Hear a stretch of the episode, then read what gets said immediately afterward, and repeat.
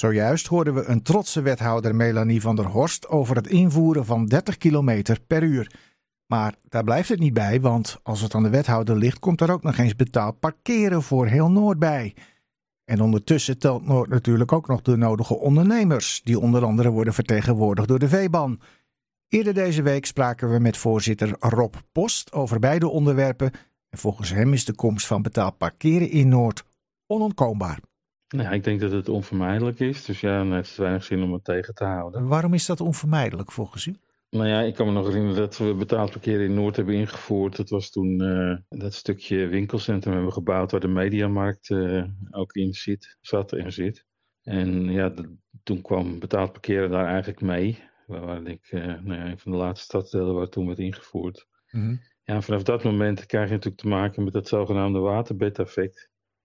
Ja, dat, dat elke wijk je het invoert, dan ja, spreiden de problemen zich weer de wijk daarnaast. Dus toen wist je gewoon dat het kwestie van tijd zou zijn voordat we in heel Amsterdam-Noord betaald verkeer zouden krijgen. Dus dat zat er toen al aan te komen. Ja, en nou wil het ironische toeval dat uh, u als stadsvoorzitter toen verantwoordelijk was uh, voor die eerste stappen. Heeft u er achteraf gezien spijt van? Nee hoor, nee hoor, we hadden er toen al spijt van. toen we het invoerden al.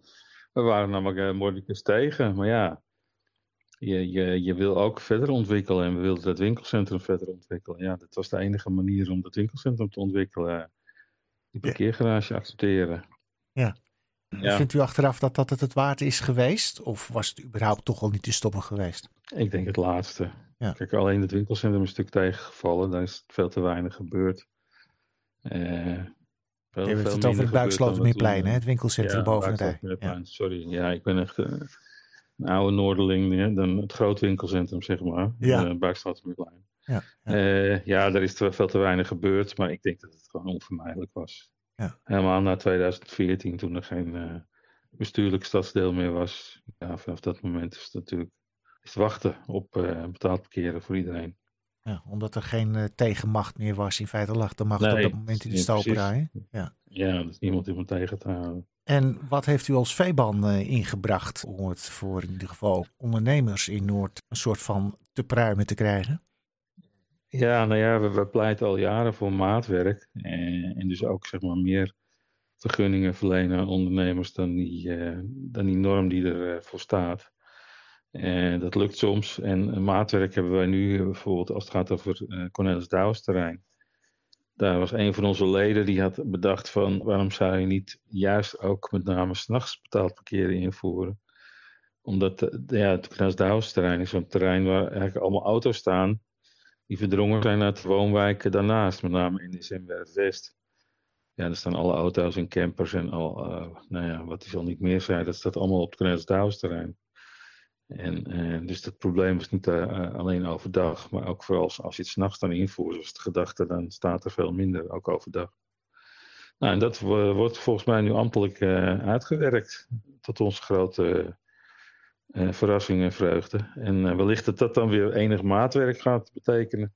Ja, maar bijvoorbeeld bedrijven die in winkelcentra zitten, hè, ondernemers, verwachten niet dat die in de problemen komen vanwege het beperkte aantal parkeervergunningen dat ze krijgen? Ja, nou ja, dat is natuurlijk. Uh, kijk, elk winkelcentrum in Noord heeft een eigen parkeerregime volgens mij. Mm Als ik het goed gevolgd heb. En uh, ja, ik hoop dat er een ruimte is om met elk winkelcentrum weer op een andere manier uh, om te gaan die het best past bij het winkelcentrum. Ik begrijp dat het winkelcentrum De Bannen ook bezig is met een eigen, proberen een eigen afspraak te maken. En wat wij dus bepleiten bij de centrale stad is dat ze daar ruimte voor geven. En dat ze niet overal in de stad hetzelfde invoeren. Ja. Dan wordt er uh, in Amsterdam en dus ook in Noord ook nog 30 kilometer in uh, gevoerd deze week. Wat verwacht u daarvan uh, voor uw ondernemers? Ja, ik ben, ben, heel nieuwsgierig hoe dat gaat uitpakken. Hoe dit experiment, nadat we al de Weesperknip gehad hebben en de, het palenplan. Ja.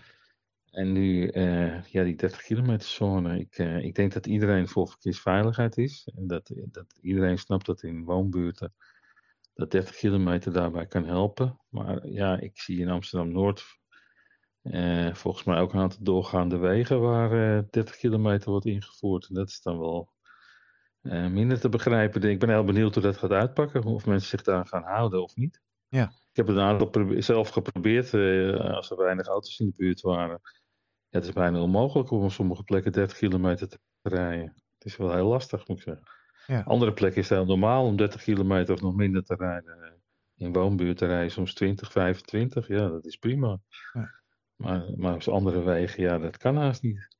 En heeft u ik ben benieuwd uw, hoe dat eh, uit gaat pakken. Ja. Vanuit de ondernemerskant heb ik er eerlijk gezegd nog weinig eh, over gehoord. Maar ik kan me voorstellen dat dat eh, nou ja, ook tot ergernis kan gaan leiden. Nou, we gaan het met u afwachten hoe dat allemaal uit gaat pakken. Zeer bedankt in ieder geval voor uw eerste reactie. En eh, mocht het eh, net zo uitpakken als die knip in de Weesperstraat, dan neem ik aan dat u weer te spreken ja, krijgt. precies. ja, dat is goed. Dank u wel, meneer. Ja hoor, graag gedaan.